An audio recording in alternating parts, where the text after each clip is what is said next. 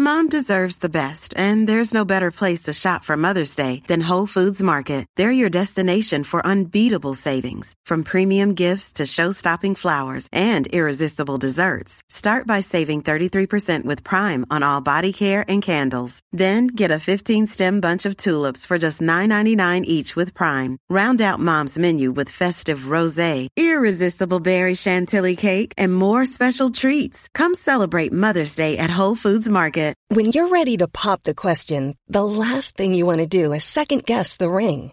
At Bluenile.com, you can design a one of a kind ring with the ease and convenience of shopping online. Choose your diamond and setting. When you find the one, you'll get it delivered right to your door. Go to Bluenile.com and use promo code LISTEN to get $50 off your purchase of $500 or more. That's code LISTEN at Bluenile.com for $50 off your purchase.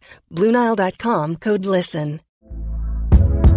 Hey there, it's Michelle Norris. I'm host of a podcast called Your Mama's Kitchen. When I travel, I'm usually looking for a way to find a taste of home when I'm not at home. And one of the things I love to do when I am at home is entertain. And Airbnb allows me to do that. When I was in California recently, I rented a house that had a great kitchen. And when we were sitting around the table, we we're all thinking, we're in someone else's house. Someone could be in all of our homes as well.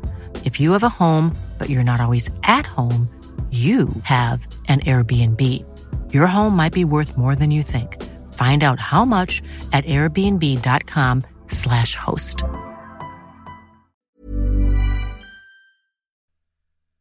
Er du klar for pod, Øystein? Veldig klar for pod. Nå er det jo sånn at uh, når du hører det her, kjære lytter, så sitter vi jo i bilen på autobahn i Tyskland og koser oss. Eller vi sitter kanskje på en bilstube på selve treffplassen. Vi skal i hvert fall til olympiaden for folkehognerder. Vi er rett og slett ikke her. Nei. Ganske skummelt. Men podden er her, så kjør podd! Podden er her. Vi kjører podd. Du lytter nå til Scootspodden, en norsk podkast om klassisk bil med Jon Roar og Øystein.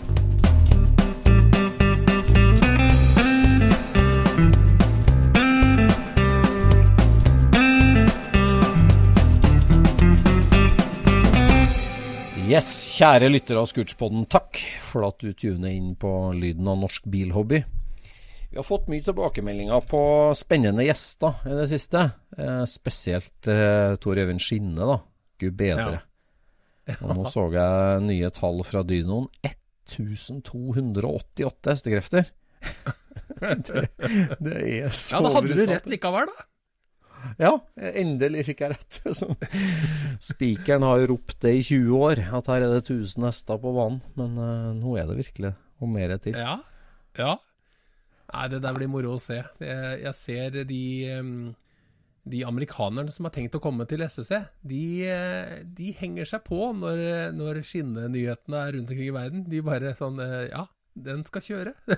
Jeg skal se den. Jeg skal være der. Artig. Ja. Ja, Venter vi amerikanere over på 20-årsjubileet? Det gjør vi. Vi venter et uh, par stykker. Gjør vi det? Så det er billett. Ja, det, det er ballsy. Vi har jo hatt amerikanere som har kjørt over på Gardermoen, men uh, og hatt med bil, det med. Ja. ja, og japaner. Det er jo ja. kanskje det drøyeste. Ja, det er det drøyeste, uten tvil. Ja, å komme seg til, til Ullensaker og kjøre litt drag hvis du bor i Tokyo. ja, det er ekstremt. Men nå er vi jo veldig langt fram i tid. Det her er jo august, og nå er det juni, og vi eh,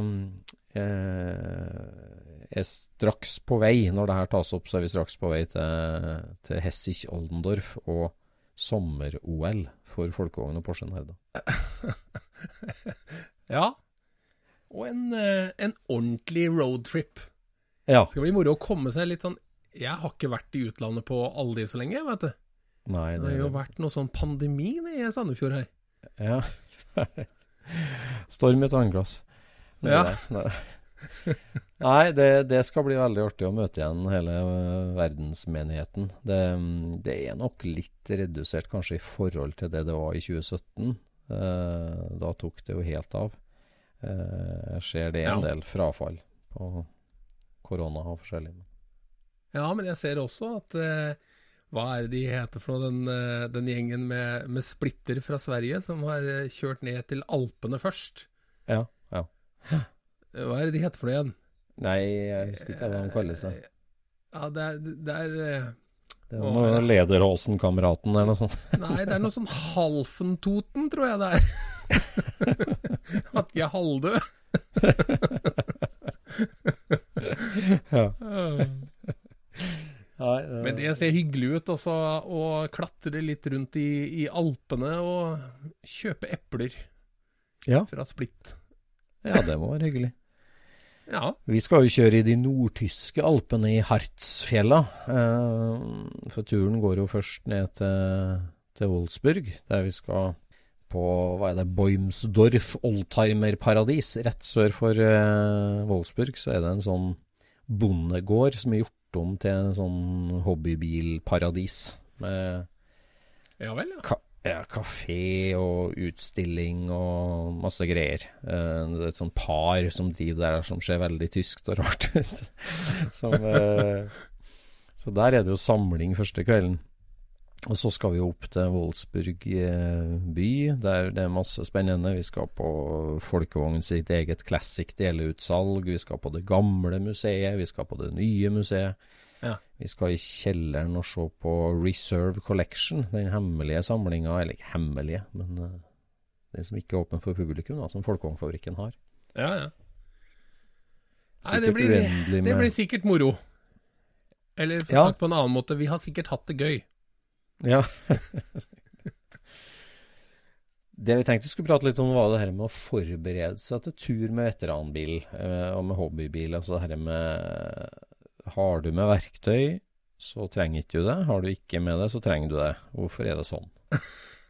Er ikke det bare alle tings iboende faenskap? Er det ikke sånn det funker? Jo, det er noe med det, da. Men eh, det er jo eh, et, det er et lite sett med feil som veldig ofte oppstår. Ja, det kan Og, du og hvis du er forberedt på de feila, så, så klarer du de fleste turer. Ja. Men problemet er jo at man har jo ikke med f.eks. jekk. Det har man jo ikke med.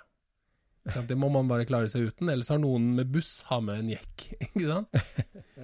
Fordelen med å kjøre flere i gruppe. Ja. ja, det er jo en annen ting med å dra på tur, at det er en stor fordel å være flere på tur i forhold til hjelp og deletilgang og verktøytilgang. Men, men du øker jo kompleksiteten mest proporsjonalt. Da, for sjansen for at du får en feil på én av 15 biler, den er jo Ja, det er sant. større enn én. Og det, ja, og det der er jo alltid et dilemma, liksom. Skal Hvis én eh, vippeaksling på ei bensinpumpe hopper ut på autobanen for én bil, skal alle stoppe? Eller skal én stoppe? Eller skal tre stoppe? Eh, stopp på Nei, neste bensinstasjon, skal alle eh, vente?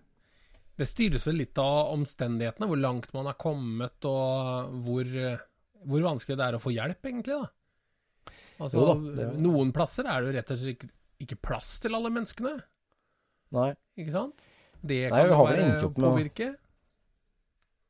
Og vi har vel egentlig endt opp med å være sånn uh, at vi blir litt sånn grupper innad i gruppa òg. At noen henger liksom sammen. eh, mm, men at det der skifter litt i konstellasjonene òg, men, Ja. men det er noe med å bli veldig mange og i forhold til kompleksiteten på ja, parkeringsplasser og det. Men det er jo en stor fordel, da, som jeg føler at er eh, når, når vi er på tur, så er det ganske ofte at det, bileieren er ganske kompetent på sin egen bil. Ja. Eh, sånn at Det- det er ikke noen som er nødt til å gjøre noe sånn ekstra tunge løft, liksom. Men jeg har jo sett en tendens til at bilmekanikerne, de som jobber som bilmekaniker, blir satt til å reparere bilene. Det er, Ja. det er en tendens. det, det er en tendens, det. det, sant, det. Altså, For er bilmekanikere skrur jo når det er kjedelig. Vi hobbymekanikere vi skrur jo bare når det er gøy, er det ikke sånn? ja, det er noe. Nei, det, det blir artig med, med tur, altså, nå, for nå er vi jo 13 biler som uh, kjører om bord i Color Line samtidig. Og så er det Mm. jo en, en annen gjeng på samme båten, så vi blir jo sikkert 20 da, til sammen omtrent. Ja. Så, så det, det blir artig. å jeg driver og pakker. Jeg har jo en sånn Jeg har én en sånn uh, veldig fin størrelse pappeske, der jeg har et sånt uh, reservedelskit som har vært Det er litt sånn linjeakevitt. Det har kryssa Kielstredet mange ganger nå, den kassen. ja. Med de samme tingene oppi? På litt etter hvert. Ja, stort sett. Det har jo blitt spist litt av det, men det er jo liksom et Altså, det er jo, det er jo bensin og gnist. Ja. Og bevegelige hjulrelaterte deler. Eh, som er liksom mm. to bærebjelker. Eller, ja. Og så er det jo det at når du, eh, når du skal på treff, så har du jo fordelen at når du kommer fram, så er det flere deler å få kjøpt. Vanligvis. Ja, det er, det. Ja, det er sant. Det er en, mm. Det er en bonus. Ja. Nei, altså det verste er jo dere tapt tid, føler jeg med det der. Det er jo sjelden at det er vanskelige problem, og det lar seg løse, og du kommer seg videre, liksom. Men det der at du ja, kommer fram til en plass og det er noe hyggelig skal skje den kvelden, og så blir du liggende hele kvelden og natta og skru. Liksom, det, det, alt tida forsvinner. Det, Men her, her, tror jeg det skiller mellom deg og veldig mange andre. For du er den jeg kjenner som er mest opptatt av å være på plass når det skjer, altså. Oh, ja. Ok. Øystein henger på klinka inn på treffet. Sånn er det bare.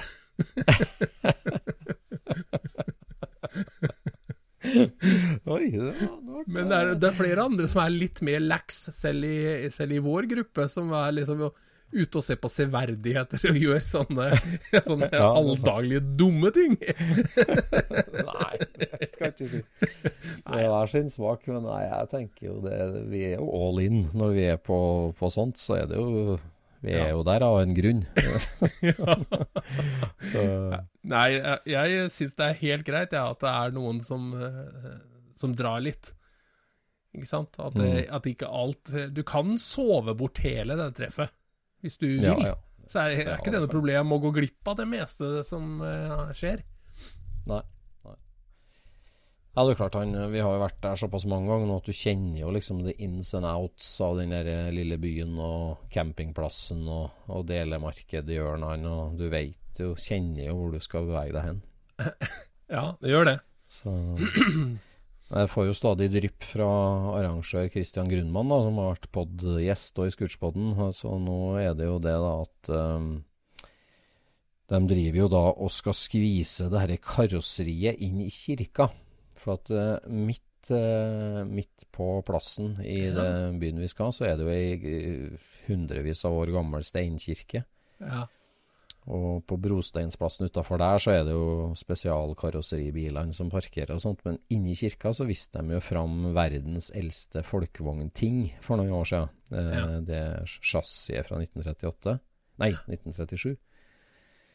Um, og nå har de jo bygd Så den sto jo der som et bønnetempel inni kirka, inni midtskipet på kirka. Som en avgud? Lagd... Ja. ja. Det viser jo at hele byen er med på arrangementet. Da, for det, og... Ja, eller at presten er på ferie. Jeg vet ikke hva det er som skjer der. Nei, så Nå har de jo lagd da, René Gråse i Berlin, et av de mest respekterte restaureringsverkstedene i Europa, har, eh, har, bygd hele karosseriet til det chassis nummer 27 fra 1937.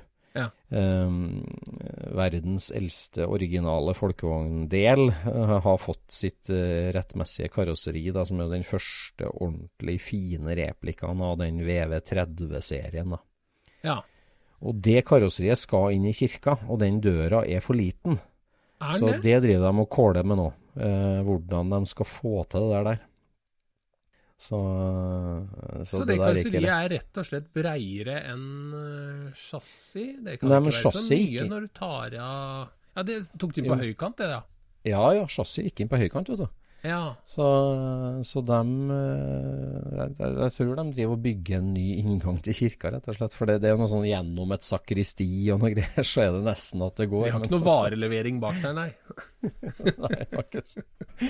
Så, så det der er jo det showet, vet du. Så det skal inn. Så, oi, oi, oi. Og så kommer det jo, så fortalte nå da, at de har dratt sammen 98% av europabeholdningen av Herbies, originale Herbie filmbiler. Ja. Så de har så avsatt et eget område inn på treffplassen der, der de skal samle elleve originale Herbies. Så Ja. det blir jo artig for dem som syns det er artig. Nei.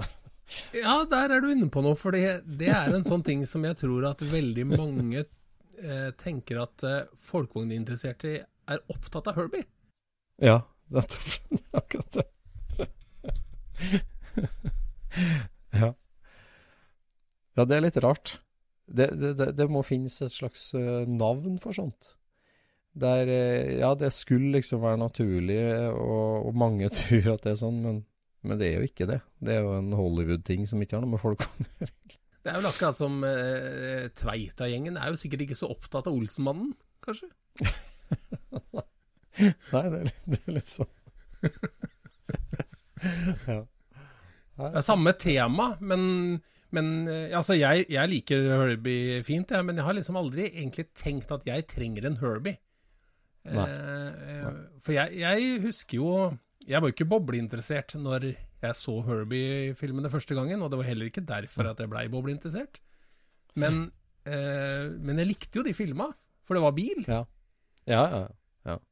og det var Ja, bil med sjel. Ja, ja. ja, ja enig. Det var jo godt lagde filmer. Det var en grunn til at det ble så mange av dem òg. Altså den actiondimensjonen og alt det der. Det var litt sånn barne-James Bond, nærmest. Altså, det var jo Ja. drama og spennende ting. Så det, Ja, ja, ja. Men husker du Jeg hadde en, en, eh, en i klassen, han husker ikke du, men, men han Han var så opptatt av noen filmer med en gul boble som het uh, Duddu. Eller Doddo. Dodo? Nei, ukjent. Doddo. Det er en tysk James Bond-aktig boble.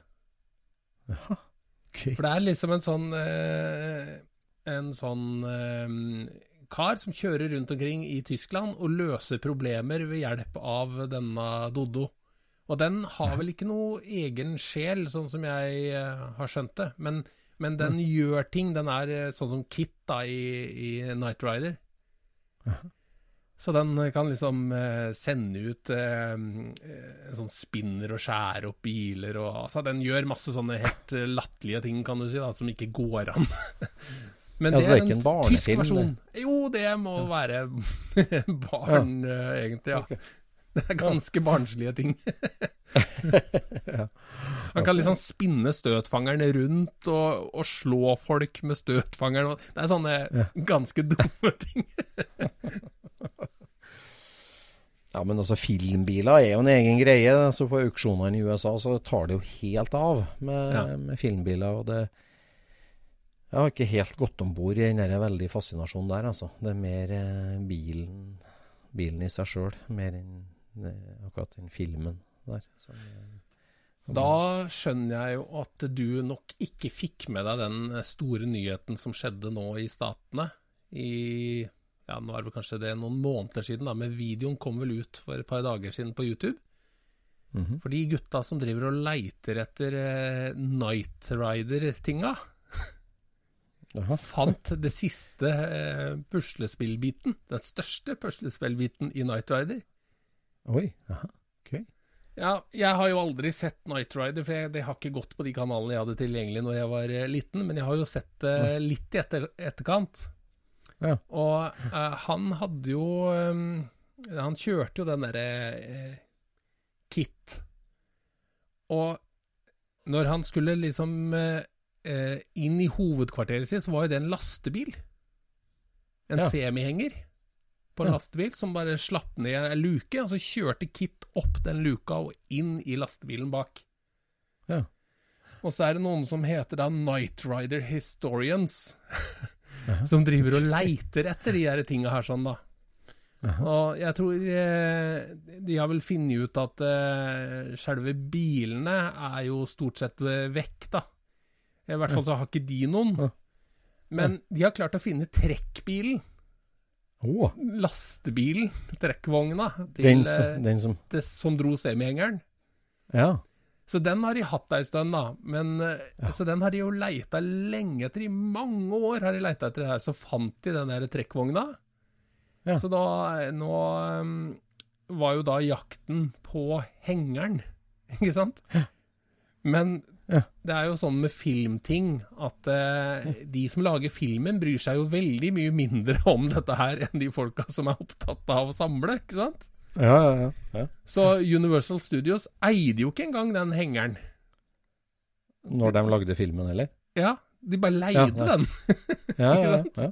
Og så forandra de på den, og så gjorde de det tinga de trang, da. Og Så de har liksom da eh, Altså, nerding, ikke sant? Finne ut hva som er forskjellen på den, eh, den hengertypen fra de andre hengertypene, ikke sant? Så har de landa på ett merke. Det er, et, det er de som har produsert hengeren. Og eh, så har jo de da forskjellige options, og så er det forskjellige utstyrsgreier, ikke sant? Så det, det, det begrenser jo ned hvilke hengere det kan være. Så de har Som ble bygd om til filmrekvisitt. Ja, du kan si at eh, den hengeren i seg sjøl er levert eh, 99% sånn han er i filmen. Det er bare Ja, det at okay. de har laga den rampegreiene bak, at det er motorstyrt og sånt, og det er ting som de har skrudd inn i den greia. Og de har jo bare kjørt gjennomgående bolter oppi toppen av kassa for å få Ja. dette, disse tinga på. Så de har sittet og kikka da, du, på bilder av dette her for å finne hengere som har de boltene der oppe. Ja. Og så ja. klarte de da å finne den hengeren eh, her for eh, ja, noen måneder siden, da. Den hadde jo da selvfølgelig, siden den hadde den lasterampa, så hadde den blitt solgt til noen som drev med båtracing etter at filminnspillinga, ikke sant? Og etter det så hadde den eh, vært hos noen som drev med dragracing. Ja. Så da hadde de hatt bil inni der. Ja. Så nå har de da fått frakt, kjøpt den hengeren og fått frakta den til Midtvesten, der de holder på, da. Så nå skal de pusse opp dette her for å få det helt likt som i Night Rider. Oh, okay. Og da har de liksom De har en to timers film hvor de går og så peker på alle detaljene som beviser at dette er hengeren fra filmen, ikke sant? Og det er sånn Ja, den bulken du ser her, den er med i den episoden. Men det sier jo litt om deg òg, da. Driver du og følger med på YouTube på hva Night Rider Artifact Hunters eh, driver med, altså? Ja, absolutt. Gjør ikke du? Ja, det gjør du. Nei, det Nei, Jeg vet ikke hvorfor jeg begynte å se det, men jeg så én, og så plutselig så Jeg vet ikke om Altså, YouTube driver jo og mater deg med ting du har sett før, ikke sant? Ja, ja. Så eh, dette her var den tredje episoden jeg har sett. Ja. Sier jo litt om hvor interessert jeg er, da. Og den varte to timer, jeg sa det akkurat. Nei, men det er Ja, notert. scrolla bare litt. Scrolla litt gjennom det.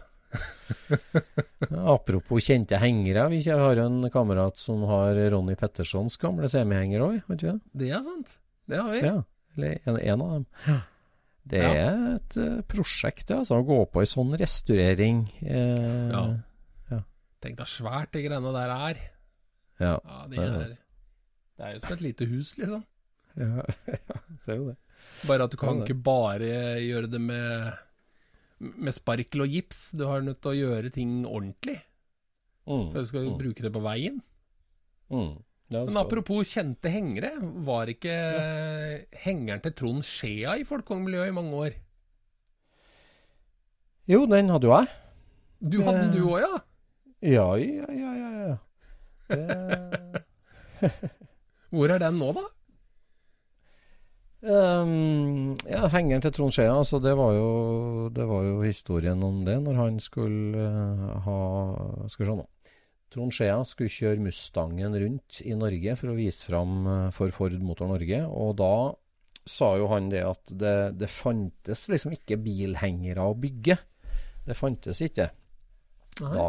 Nei, altså å kjøpe, mener jeg. Det, det fantes ikke bilhengere å kjøpe. Eh, for det, nå er vi jo i ja, er vi i 67, da, eller? Ja, noe sånt, ja. Eh, Sånn biltransporthenger eh, var ikke en handelsvare egentlig da, så da var det noen verkstedkarer på For Motor Norge og Trond Skjea sammen som skissa opp og tegna opp en firkantrørprofilhenger, eh, og kjøpte inn noen akselstubber fra England, og bygd bilhenger for å kjøre Trond Skjea-Mustangen rundt om i Norge på. ja. Jeg trodde poenget med den hengeren var at den var veldig liten, jeg. Ja. Ja, den er knøttliten. Den er- Hvordan er det plass til en Mustang oppå der da? Ja, det er et godt spørsmål. Så den passa veldig bra til bobla. Men altså, Mustangen er jo en liten amerikansk bil. Da. Den gikk vel akkurat oppå. Den var sikkert gjort helt eksakt i hjørnene, for den var liten, den, altså. Ja.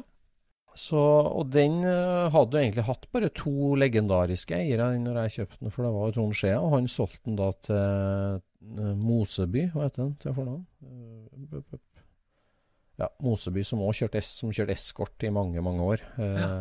Fra, fra Aurskog som er jo fortsatt i gang og ja, kjører, har masse BDA, eller flere BDA-eskorter å kjøre. Så han kjørte jo den eskorten sin rundt på den på løp i mange år, og så kjøpte jeg henge. Så ble jeg kjent med Moseby når jeg flytta sørover i 1999. og Fikk kjøpe han den hengeren som sto bak et uthus da han hadde ikke brukt den på noen år.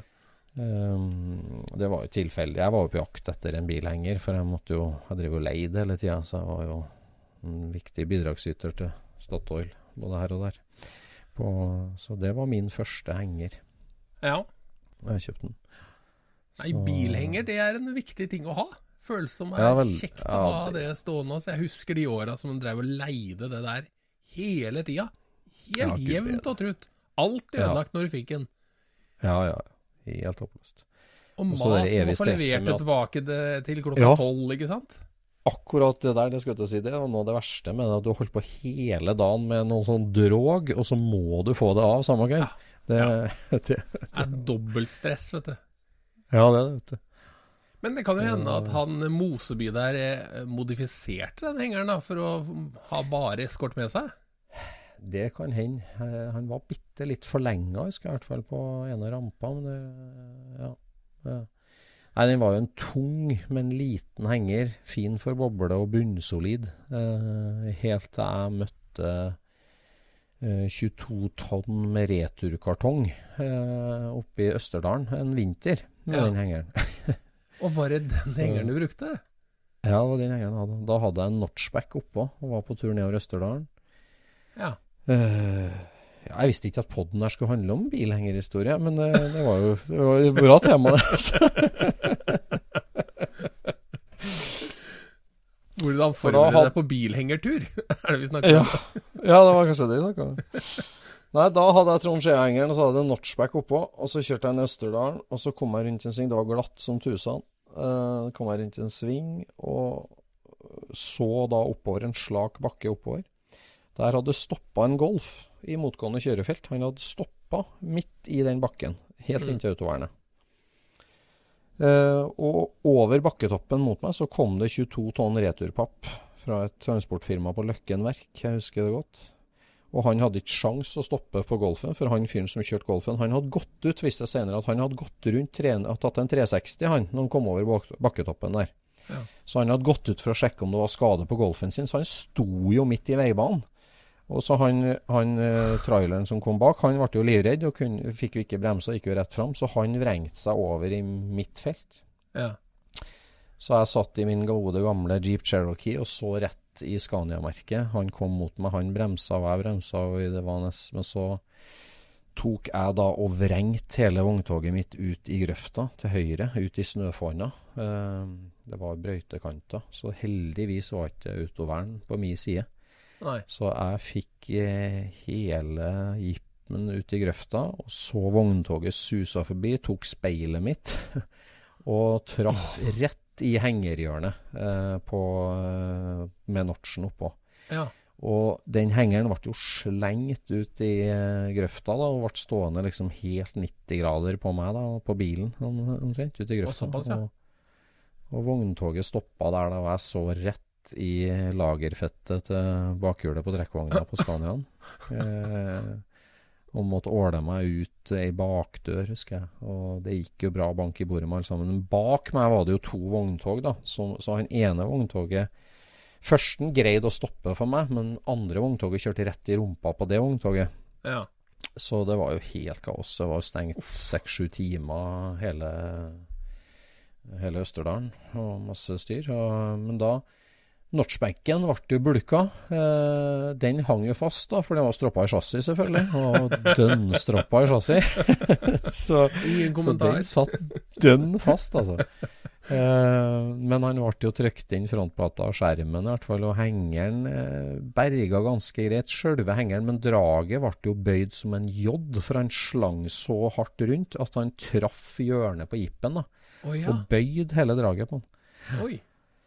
Ja. Så det ble litt greier av det der, da. Fullt show. Ja, så fikk jeg jo igjen på forsikringa og reparert både notchen og hengeren, og brukt hengeren i flere år etter det. Og du gjorde det, ja? Stemmer. Så solgte han til Dahlberg og Gøran Larsen. Jeg tror, jeg, jeg tror de har han fortsatt, på noe vis. Eller, Ja, det kan hende. skal ikke jeg si. Så hvis du er den som sitter på Trond Skjea-mustangen, hvis du er lytter og har Trond Skjea-mustangen, så uh, fins hengeren i det. Ja, ikke sant? Nei, jeg kom på det at uh, jeg uh, lånte jo henger av uh, Carl Fredrik på Underberg bil. Ja. Eh, og han hadde en sånn eh, Tredal-henger med strekkmetall. ja. Og det var så komisk, for den, den hengeren den ble stjålet på et tidspunkt. Aha. Og så var den borte ei lang stund, og så fikk han den igjen. Da ble den funnet av politi, og så fikk han den igjen. Og så skulle han av gårde og hente bil. Ja. Og den hengeren var sånn at du fridde den ut foran, sånn at eh, bakre delen av rampa gikk ned. Altså, altså den hele planen vippa, da. Ja, ja. Mm. Men, men det var så skarp vinkel plutselig Ja. på, på der du skulle kjøre opp. Så det viste seg at de som hadde stjålet hengeren, de hadde korta den inn med én meter og flytta lampene fram. Hæ? ja, Nei. så når du lånte den hengeren hans, så fikk du med plank for å liksom få dette til, da. For hengeren var jo ødelagt, egentlig. Nei, ja, Bare merkelig opplegg. De har liksom Ja, de modifiserte hengeren så det passa dem bedre. liksom. Herregud, rakk de å gjøre det da, før de ble oppdaga? Nei, Jeg vet ikke hvor lenge den egentlig var vekk, men, sånn, eh, men de hadde i hvert fall gjort jobben ordentlig, så han så jo ikke at den var skåret av, liksom. Nei. Akkurat, ja. Ja, nei, det er mye rare hengerhistorier. Jeg husker det var jo en altså, kan jo si også, da, Trøndelag veteranklubb har jo feira 50-årsjubileum nå i helga. Oi. Gratulerer til alle som var med på den, både feiringa og klubben. og Det er jo fenomenalt. Det er jo en, en av de tidlige veteranklubbene eh, bortsett, altså et, etter, etter NVK, da. Eh, etablert i 72, da. Og det var bare sånn apropos. Så der var det jo jubileumsfeiring og biltreff og kortesje med fire Cornerstone Cars som var med på etableringa i 72. Men i hvert fall, jeg husker godt eh, når den klubben begynte å tjene litt penger da på 80-tallet, eller hadde litt penger på bok, så Ja. var det jo gjenstand for årevis med generalforsamlingsdiskusjon om man skulle kjøpe felles bilhenger til klubben. Ja. Eh, til utlån for medlemmene til en symbolsk sum. Og det, sånn ble det jo til slutt, da. Og det der gikk jo som det alltid går. Det ble kjørt i filler, og ingen hadde skylda, og det ble bare krangling av det. Så det, Ja. det ble jo bare tull. Men jeg husker i hvert fall jeg var jo flittig bruker av den hengeren. Uh, uh, og det jeg husker der det var så styr med å få leid plass til en i Trondheim sentrum. Og da leide de en sånn ganske fin garasje på Singsaker, der uh, den ble parkert sånn fast. da, Så kunne du få låne nøkkel og dra dit og hente den. Og den hengeren var for kort. Nei, garasjen var for kort. Så da ble det en sånn veldig fin panele, panelt fiskebeinsport. Så ble det skåret en sånn, sånn høl, sånn halvmeter ganger halvmeter høl, som draget kom ut gjennom. Og så ble det sveisa opp en sånn stålkasse, som en liten safe, som ble skrudd på utover porten akkurat der. Så, så, og det der husker jeg altså 30 år etterpå så kjørte jeg forbi den garasjen, og der var fortsatt den der stålkassen som var hengt på foran i mange år. Så det var et sånt tegn på at tiden står stille, nærmest. Nå tror jeg det er gjort om på for lenge siden. Ja. Ikke sant? Det, Men eh, jeg har en sånn lignende historie om garasje, i hvert fall. Eh, Ja. Fordi i, eh, i Horten eh, så er det jo mye bebyggelse fra 40-tallet. Og der ja. noen av de bygga har utedo i bakgården. Ja. Det er sånne eneboliger med- et sånt lite et uthus da, som er altfor lite til å bruke til noe, egentlig. Men det har bare vært utedo, ikke sant. Og kanskje en sånn ved vedbod ved sida, da. Og så var det en, eh, en gammel kollega av meg som var oppvokst der. Og han, ja. han pekte på et hus for meg. Se på utedoen deres.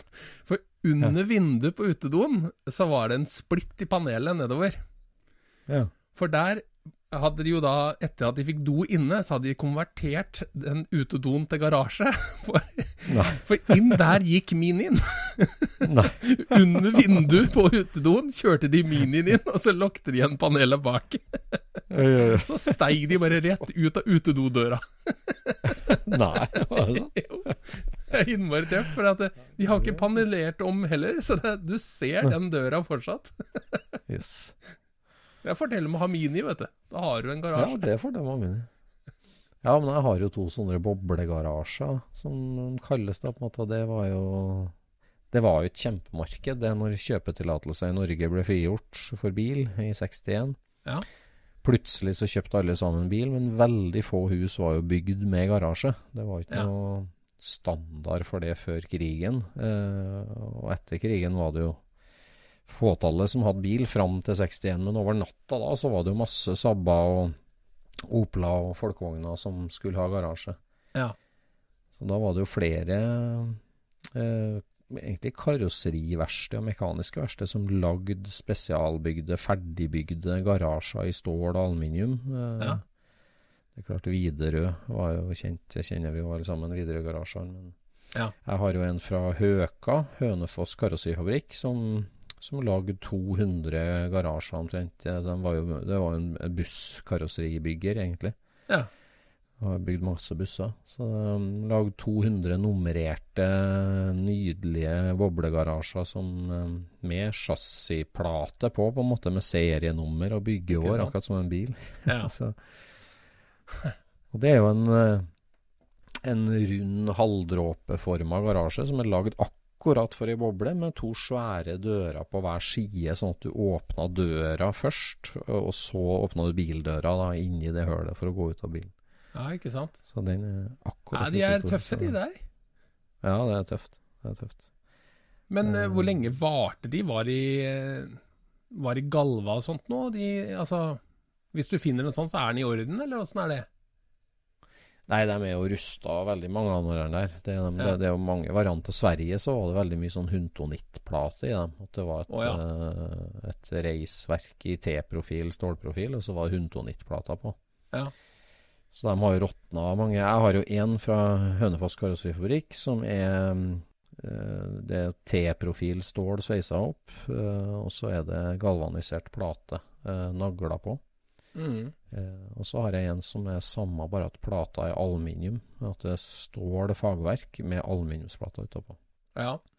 Den er fra Oslo Mekaniske Verksted eller noe sånt. Den er jo kulest, for den er jo på en måte to Ja, to kvartforma snusbokser som står inni hverandre, med hengsler på midten, så du roterer den ene fjerdedelen inn i den andre. Ja. Eh, så den er jo ordentlig lekkert konstruert.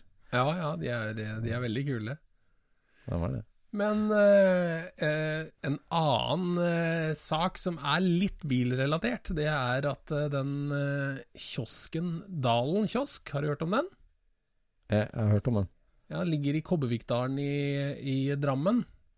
Ja. Den har jo Mm. nå akkurat eh, lagt ned. Ja, For det var jo- som solgte pølsa. Ja, for det var jo en institusjon å kjøpe eh, viner der med surra løk. Ja. Det var liksom Det var det man gjorde på Dalen kiosk. Ja. Mm. Og Dalen kiosk var jo en, en rød kiosk. Rød Å ja, en, ja, akkurat. Ja. Det var det, ja. For Rød Trevare i Sandefjord bygde alle disse kioskene som er sånn skrå. Eh, Skrå skrå yttervegger, sånn litt sånn stabburaktige kiosker i flere forskjellige størrelser. Nettopp. Og det, ja. De kom her fra, fra Sandefjord, og, og ja. det her var bestefaren til, eh, til min kompis eh, Thomas, som er, eh, kjører ja. babybuss i folkevognmiljøet. Ja. Den, så den babybussen sto inne i produksjonslokalene til Rødkiosken når jeg så den første gangen. ja, nettopp. ja, så den kiosken, Dalen-kiosken, var en sånn? Jeg trodde det var mer litt støl, den der, men det var ikke det, kanskje? Nei, jeg mener at det er en sånn. Ja, ja. etter, etter husken.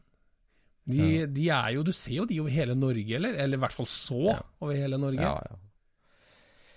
ja, altså den og telefonkiosken var jo standard inventar det på enhver campingplass over Mm. hele landet. Men det, det er mange av dem som har gått heden. Og det er jo mange som er, eller det er jo hyggelig antall som er tatt vare på, både restaurert og shina opp. Da. Det men, Ja. Og så er, og så er det sånn De er veldig forseggjort òg, for det er liksom noen fresa teaklister eller et eller annet som de er liksom Mm. det, er jo bygd opp av små, små Mm. plankestumper, for å si det sånn. mm, mm. Nei, det er kjempelekker, det. Det er de absolutt. Send oss bilde av kiosken din hvis du har en i hagen. Det er i hvert fall en par lyttere som har det, og det er helt normalt. Jeg har to. Har du to kiosker i hagen nå? Ja, jeg har, eh, jeg har to hager med en kiosk i hver. Ja, ja, sånn, ja. ja. ja, jeg handla jo ny kiosk her nå for bare noen uker siden. En 38-modell fra Løten. Kjempefornøyd med. Skikkelig fornøyd med. Så den, eh, men vi skulle jo snakke om en, eh, en viktig bil òg i dagens podkast. Vi må passe på at vi ikke glemmer den. ja. Var det en støver? Eh, nei, nå har du støv på hjernen igjen. Eh, det var en Horch. Det var en Horch, vet du.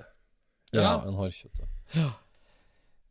En viktig En av Horch. de mest, en mektig Horch, ja. En av de mest eksklusive bilene vi har hatt i Norge, eh, ble eksportert for 15 år siden. 10 år, ja, 12 år siden. Eh, og den er nå til salgs igjen. Og nå Jaha. mm, må vi prøve å få den hjem til Norge igjen, er planen. Ja, Så hvem vi vi i Norge, liksom? Eller? Ja, Norge, liksom. Det er av nasjonal interesse. Nei, det er, det er jo ikke helt sånn. Men uh, vi er noen entusiaster som er veldig entusiastiske om å få den tilbake igjen. Så Ja. nå uh, driver vi og prøver å tromme sammen et uh, stort spleiselag, da. for å få sammen. Så der blir det òg mulighet for både scootspot-lyttere og forskjellig. For at en sjusetere her, skjønner jeg. Nei, det er ikke det, altså. Det er en toseter, bare. Med toseter? Eh, ja, ja, Ja, ja, ja. Så blir det sånn timeshare, dette her, da. Ja, ja. Nei, det blir liksom som å kjøpe seg en liten aksje inn, da, på en måte, for det eh, Men vi får spole liksom litt helt tilbake, òg, at eh, For det her er altså en Horch, en 1937-modell Horch 853 sportskabriolet.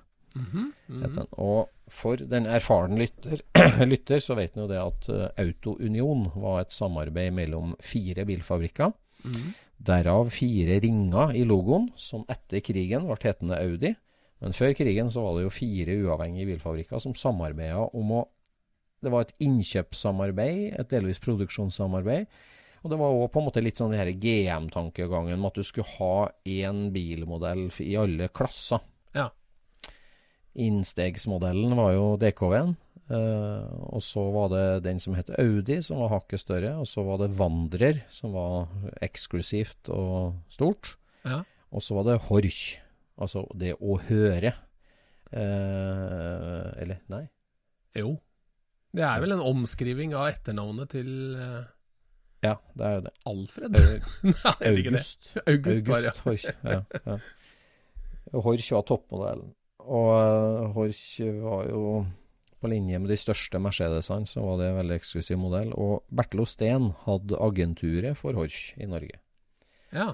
Og før krigen så solgte de to stykker av modell 853. For 853 var en rekkeåtter, toseter kabriolet. Eh, den mest sportslige, men likevel en svær, tung bil, på en måte, da. Ok. Eh, de solgte to slike biler til, til nordmenn i 738. Den ene gikk til en hvalfanger fra Sandefjord, ditt uh, hjemdistrikt. ja. Uh, den er òg kjent, men død, uh, den bilen. Og den andre bilen var det generalkonsul Aksel Holm i Ålesund som kjøpte ny. ja. Generalkonsulen han var tysk konsul i Norge, eh, og en industribygger i Ålesundbyen. Eh, Ja. Som hadde enorme penger, rett og slett. Han fikk jo en sønn som på en måte førte arven videre, da, Kjell Holm, som på et tidspunkt der rett etter krigen ble omtalt som å ha mer penger enn Norges Bank. så det var liksom et slags rykte han Kjell Holm hadde. Så, Ja. Så, så, men for så vidt nok om det. da. Aksel Holm han kjøpte den Horchen splitter ny av, eh, av Bertil Osten. Ja. Og så brukte han den som bruksbil i tre-fire år. Og så, og så kom jo krigen, og så ble da den bilen i 1942 så ble den rekvirert av tyskerne. Han fikk beskjed om å komme og levere den inn. Ja. Eh, fordi at eh, sjefen i Jugendbyen Ålesund, skulle, tyske sjefen, skulle kjøre rundt i den bilen. Ja. Eh, og sånn ble det, men den ble tatt godt vare på gjennom krigen. Og etter krigen så fikk jo generalkonsulen tilbud om å få igjen bilen, eller få igjen en kompensasjon i form av penger. Ok. Um, uh, og han valgte det siste, for han var alltid fremoverlent og skulle ha en ny bil etter krigen. Ja. Og han uh, um, tok imot pengene, og bilen ble overtatt av den norske hær som representasjonsbil. Ok. Først var han i drift på Værnes lufthavn i Trondheim. Det var antagelig der han var levert inn etter krigen, så han ble brukt litt i Trondheim før han ble flytta ned til Gardermoen og var stasjonert der.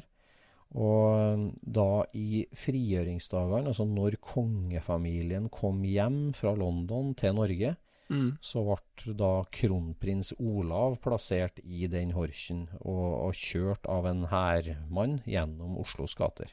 Ja. Eh, så det er jo en Det finnes masse bilder av det opptoget. og Det var jo et sånt, det er jo noen kjente bilder med et sånt enormt blomsterhav. Folk kasta blomster oppi bilen. Så han Olav Ja. han satt jo helt nedstynga i blomster. Og det var Ja. Og så ble jo bilen brukt uh, flere ganger av kongefamilien og, og kjørt av den norske hær eh, som en representasjonsbil oppover 40-tallet. Det var rett og slett en av de grommeste bilene i Oslo på den tida, da, eller?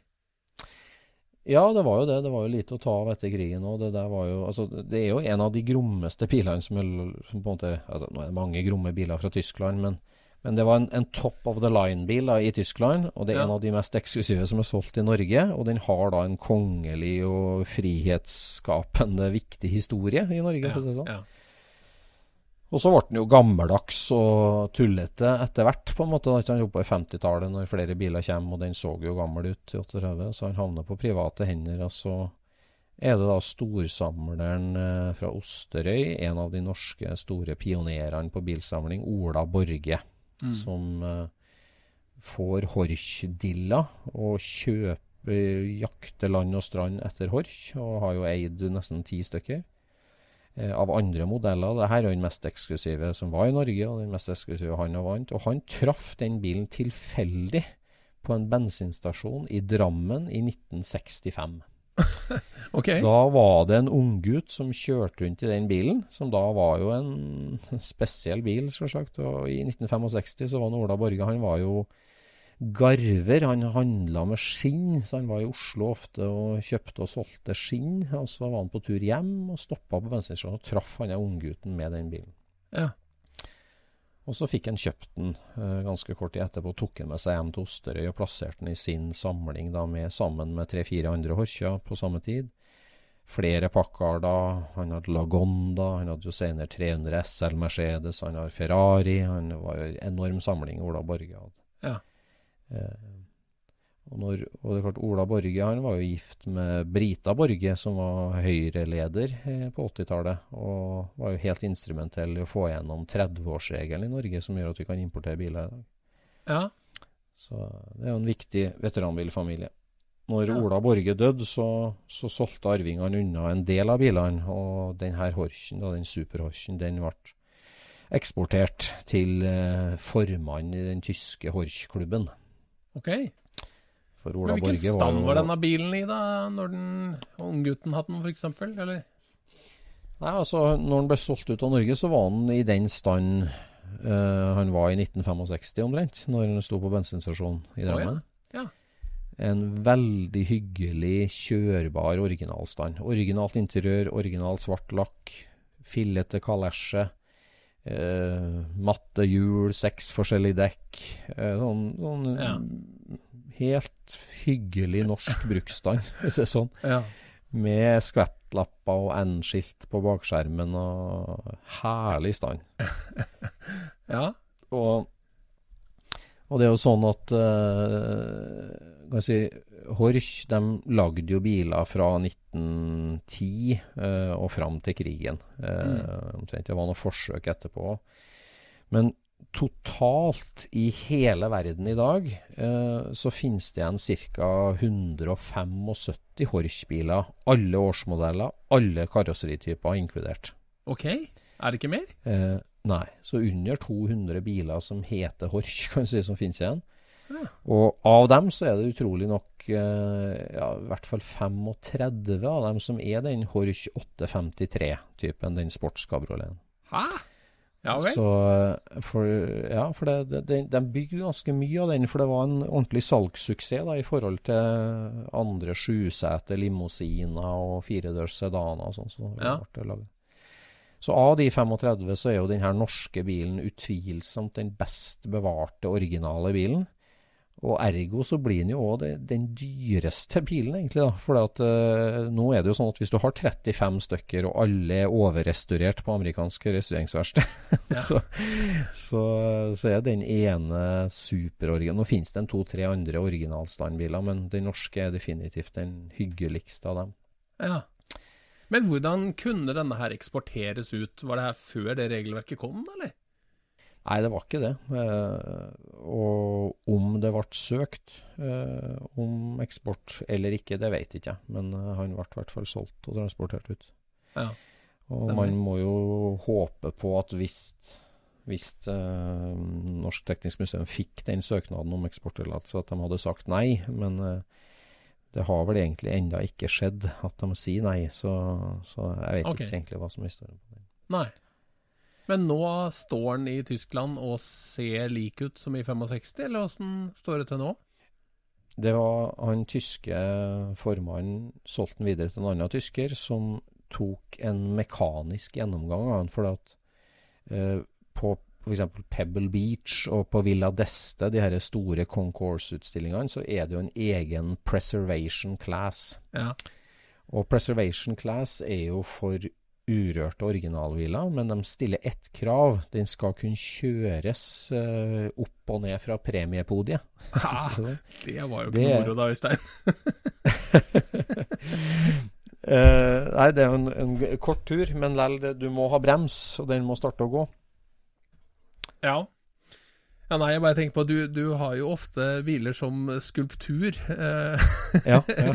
mer enn at det skal brukes hele tida. ja jeg er enig i det. Nei, det, det er jo et, eh, et um, ja, en parameter de har satt da, for denne preservation class, at du ikke Ja. skal få masse hengerdytta Ja, låvefunn som er helt nedstytta. Ja.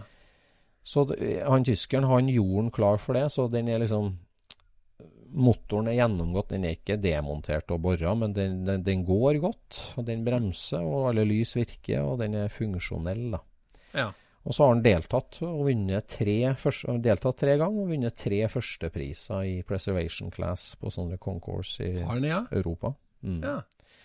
Og så ble den solgt da til Tsjekkia. Eh, Så nå står han i hemmelig, gedigen samling i en kjeller i Praha, Ok. den bilen. Og han eieren eh, eh, begynner å bli gammel, så han har begynt å vil selge noen biler. Ja. Legges det vekt på sånn- den der kongehistorien, da, eller? Ja, veldig. Altså, det, det den det? omtales som King Olavs Horch nå, faktisk. Så den er veldig Ja, ja. overdrevet. Nei, så Ja. de, han har gjort det veldig grundig. Så han, han leide altså inn et tysk firma som spesialiserer seg på historieforskning på bil. Jaha. Og de har altså lagd ei bok om den bilen, akkurat den bilen, der det er masse bilder som jeg ikke har sett før. Og jeg har gravd ganske mye etter Horch i Norge, altså. Ja. Så det er bilder fra Aksel Holms i tid, og det er bilder fra, fra Kronspinstransport og, og livet hos Borge, da, selvfølgelig. Og Ja. mye om restaurering og alt mulig sånt. Eh, den, den er, det er virkelig en altså, flott, den boka, og bilen er da til salgs nå. Eh, så vi har, og jeg har hatt en del kontakt med han som er liksom, skal si, kurator for den samlinga. Han er en sånn fyr som er ansatt av han samleren. Ja. Eh, som, eh, og han har sendt meg den boka og sagt at nå har jeg blitt bedt om å tilby den til en del folk. Eh, han, eieren vil jo veldig gjerne at den skal tilbake til Norge. Oh, ja. ja. Så dere får tilbudet først så, i Norge. Så i, i august så må jeg sende videre til en fire-fem andre vi har på lista si. ja. Men jeg regner med at dette her er, er litt dyrt. 850 000 euro. 850 Så- 000 euro? Ja, så Nei, ni er det- millioner Er det kroner. riktig? Ja, altså de går for De har blitt, blitt solgt flere i området 600 650 000 euro. Ja. Eh, der de har ligget nå i siste årene på auksjon da, for en restaurert hel en. Ja. Så kan du si at det går sikkert an å prute litt på det. da, Si at du 800 eller 775 eller noe sånt. da, Men uh, du er i sjiktet der. For det er klart at det altså, Et premium på si 20-30% på en superoriginal kontra en superrestaurert, det er nok helt riktig i dagens prismarked. Ja, ja. ja. Sånn. Så, så det er brutalt. Og det er ganske mange ganger summen han gikk ut av Norge for. ja. Um, Sjøl om det òg var mye penger. Eh, Vi var flere som var med og dro i den, på en måte. Men, så det var mye penger for tolv, i, i 20, for tolv år siden òg. Men, men nok om det. Den, den er til salgs i hvert fall. Og nå er jo Altså, det er jo ingen importavgift eh, og ingen toll og ingenting på den, så det er jo bare å ta den hjem. ja. Men det er klart, det er mye penger. Så tanken nå da er å få til et uh, hyggelig spleiselag. Ja. Eh, der er vi i dialog med uh, Amcar, Ja. eh, dialog med LMK, eh, dialog med Bertil Osten, ja. eh, som importerte og solgte den, og også dialog med Møller-gruppen, Ja. siden det er en Audi, på en måte. Eh, dialog med Kjell Holms stiftelse, fordi at eh, Kjell Holm, da, sønnen, etterlot seg jo ikke bare en nydelig Porsche som han ga til sin kjæreste Sonja Hennie, men han etterlot seg òg masse eiendom og industri og penger, eh, Ja. eh, altså sønn. Eh, og eh, der er det en stiftelse da, som, som drives videre. Eh, de har jo penger. Ja. Og så er det selvfølgelig da som en vertsinstitusjon da, Kjøretøyhistorisk museum på Lillehammer. Ja. Som- Så dere har ikke vært borti en skvett med blått blod? Nei, jeg har ikke kontakta vår venn Håkon om eh, bestefaren sin bil. Nei, um, det er jo litt vanskelig, men så er jo tanken liksom Hadde man fått det liksom mm, Hva skal jeg si For eh, det her, altså, en million her og en million der, og så kanskje prøvd å fått til da en sånn folkemillion òg, Hadde vi greid greid å solgt eh, andelsbrev eh, nok til en million, liksom. Ja. Hvis eh, norske bilklubber eller, eller bilentusiaster at, at du da får en liten rett til å ja, sitte inn eller låne, eller, eh, eller du får en slags forkjøpsrett. At den som inviterer mest, får lov til å kjøre den ut, kjøpe den ut først. Ja. Men at du òg med en folkemillion sikrer deg en sånn rett. Å finne en garasje som er lang nok, da, så man slipper å bygge på garasjen når den skal dele, lånes ut. Ja. ja. Nei da, det, det, det, det er kanskje bare utopi, og det er så mye penger, og det er liksom Er det nok folk som bryr seg nok? Det er jo et spørsmål, selvsagt, eh, om det der. Ja. For, for noen så er det jo veldig interessant. Men, eh, Men eh, altså, man kan vel ikke selge den ut av Norge igjen, så man får vel ikke egentlig realisert de penga? nei, det er sant. Det, man må jo håpe på at det blir et slags eksportforbud for den. Det, det, Ja. Det skulle det gjerne vært, men eh, det, det, det, det er vanskelig der, da, vet du. Med, og så er det klart at Hvis du skal ha mange som eier hvordan hvem skal koste vedlikehold, og hvem skal ha den hos seg det, det, det er jo et prosjekt, liksom. Det, ja, det er et prosjekt. Men eh, det der må jo være på en måte veldig i tiden, da. For det virker jo som nå, nå kan du jo kjøpe andeler av Banksy-malerier og alt mulig rart, så det er jo ja, Men dette her er jo eh, ikke en NFT, den her er jo tangible, den. ja. Jeg tenker altså, ja, en folkemiljø, altså, Det finnes jo bilklubber rundt om i Norge som har litt penger på bok, og sier at du fikk liksom noen titusen fra noen titalls klubber eller noe sånt. Da, I hvert fall så var det et, uh, Mm. en start, men det er jo vanskelig å si. Det... Men vi må drive og liksom prøve å få konstruert en slags gjeng da, som skal få til det. Men jeg, jeg vet ikke om det går. Men hvis du har noen tips, så er Scootspot-lytter. Eller ei stor lommebok, så må du bare ta kontakt. Jeg har jo prøvd å banke på døra til det som er i ferd med å bli en av Norges største bilsamlinger oppe i Bodø. Ja. Det er familien som nå kjøper opp uh, masse greier. Prøvd prøvde å snakke litt Prøvde å komme i kontakt der, om det ikke har lyktes med ennå. Så hvis det er noen som har inngangsbillett dit, så må man bare si det. så, ja. ja da. Nei, det er nå en ball i lufta. Nå skal vi først uh, pakke ferdig og komme oss til Tyskland. Jon. Ja. ja denne podden her rekker jo langt, den, så kan det jo hende det finnes noen i helt ytterst i omkretsen vår som, eh, som har veldig lyst på hår.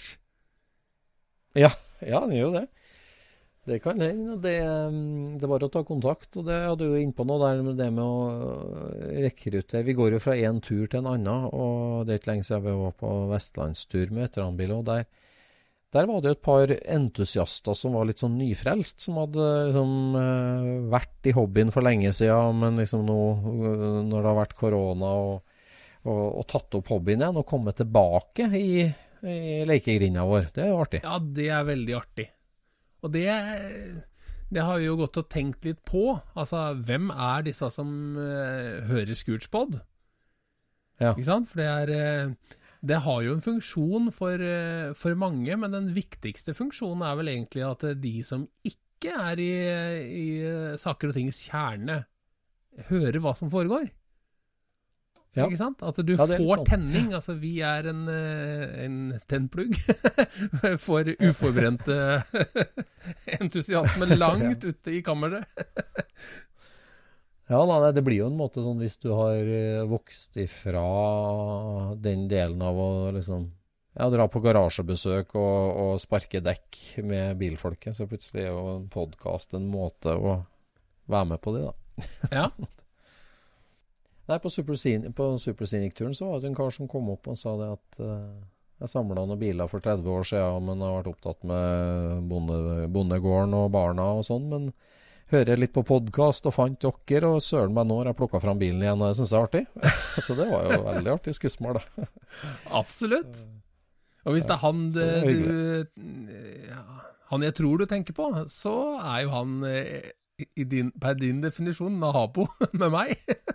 Ja, ja det. Ja, det. Så det var veldig artig. Vi gleder oss til å komme ned flere objekt fra låven der. Ja, absolutt. Nei, det er moro det at det, at det kan ha en, sånn, uh, ha en sånn effekt. For det er jo mange som har en uh, latent bilhobby. Ja, det er det. Absolutt. Det er det absolutt. Nei, da får vi ut og pakke ferdig. Eh, du må Vi møtes jo på kaia om kun eh, få dager, og da må du pakke lett. For vi har bare 25 hester til å dytte oss framover. Ja, 25 hester nå plutselig, for vi hadde bare 22,5. ja, vi, vi har hatt det en stund. Men nå har vi Nei, gått opp 10% Det er jo kjempe... Altså, dette kommer til å fly!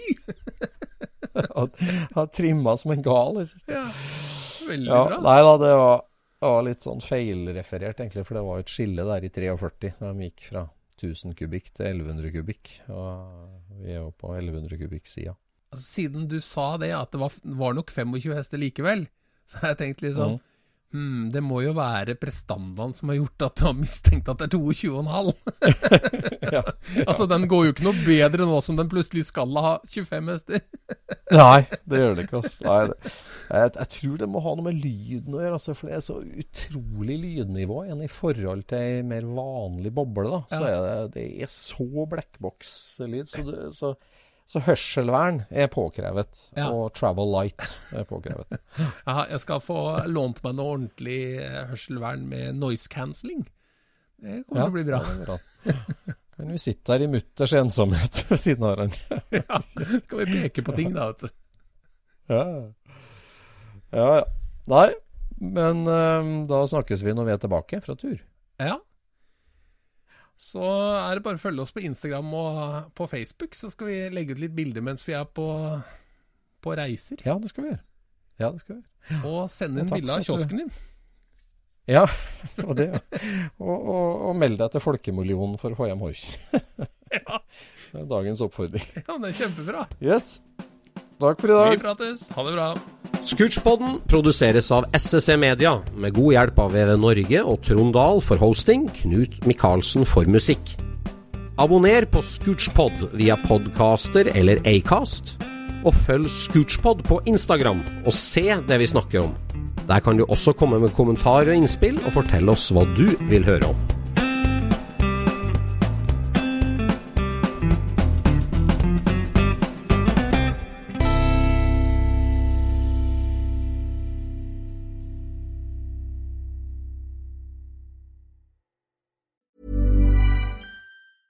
Planning for your next trip? Elevate your travel style with Quince. Quince has all the jet setting essentials you'll want for your next getaway, like European linen, premium luggage options, buttery soft Italian leather bags, and so much more. And is all priced at 50 to 80% less than similar brands. Plus, Quince only works with factories that use safe and ethical manufacturing practices.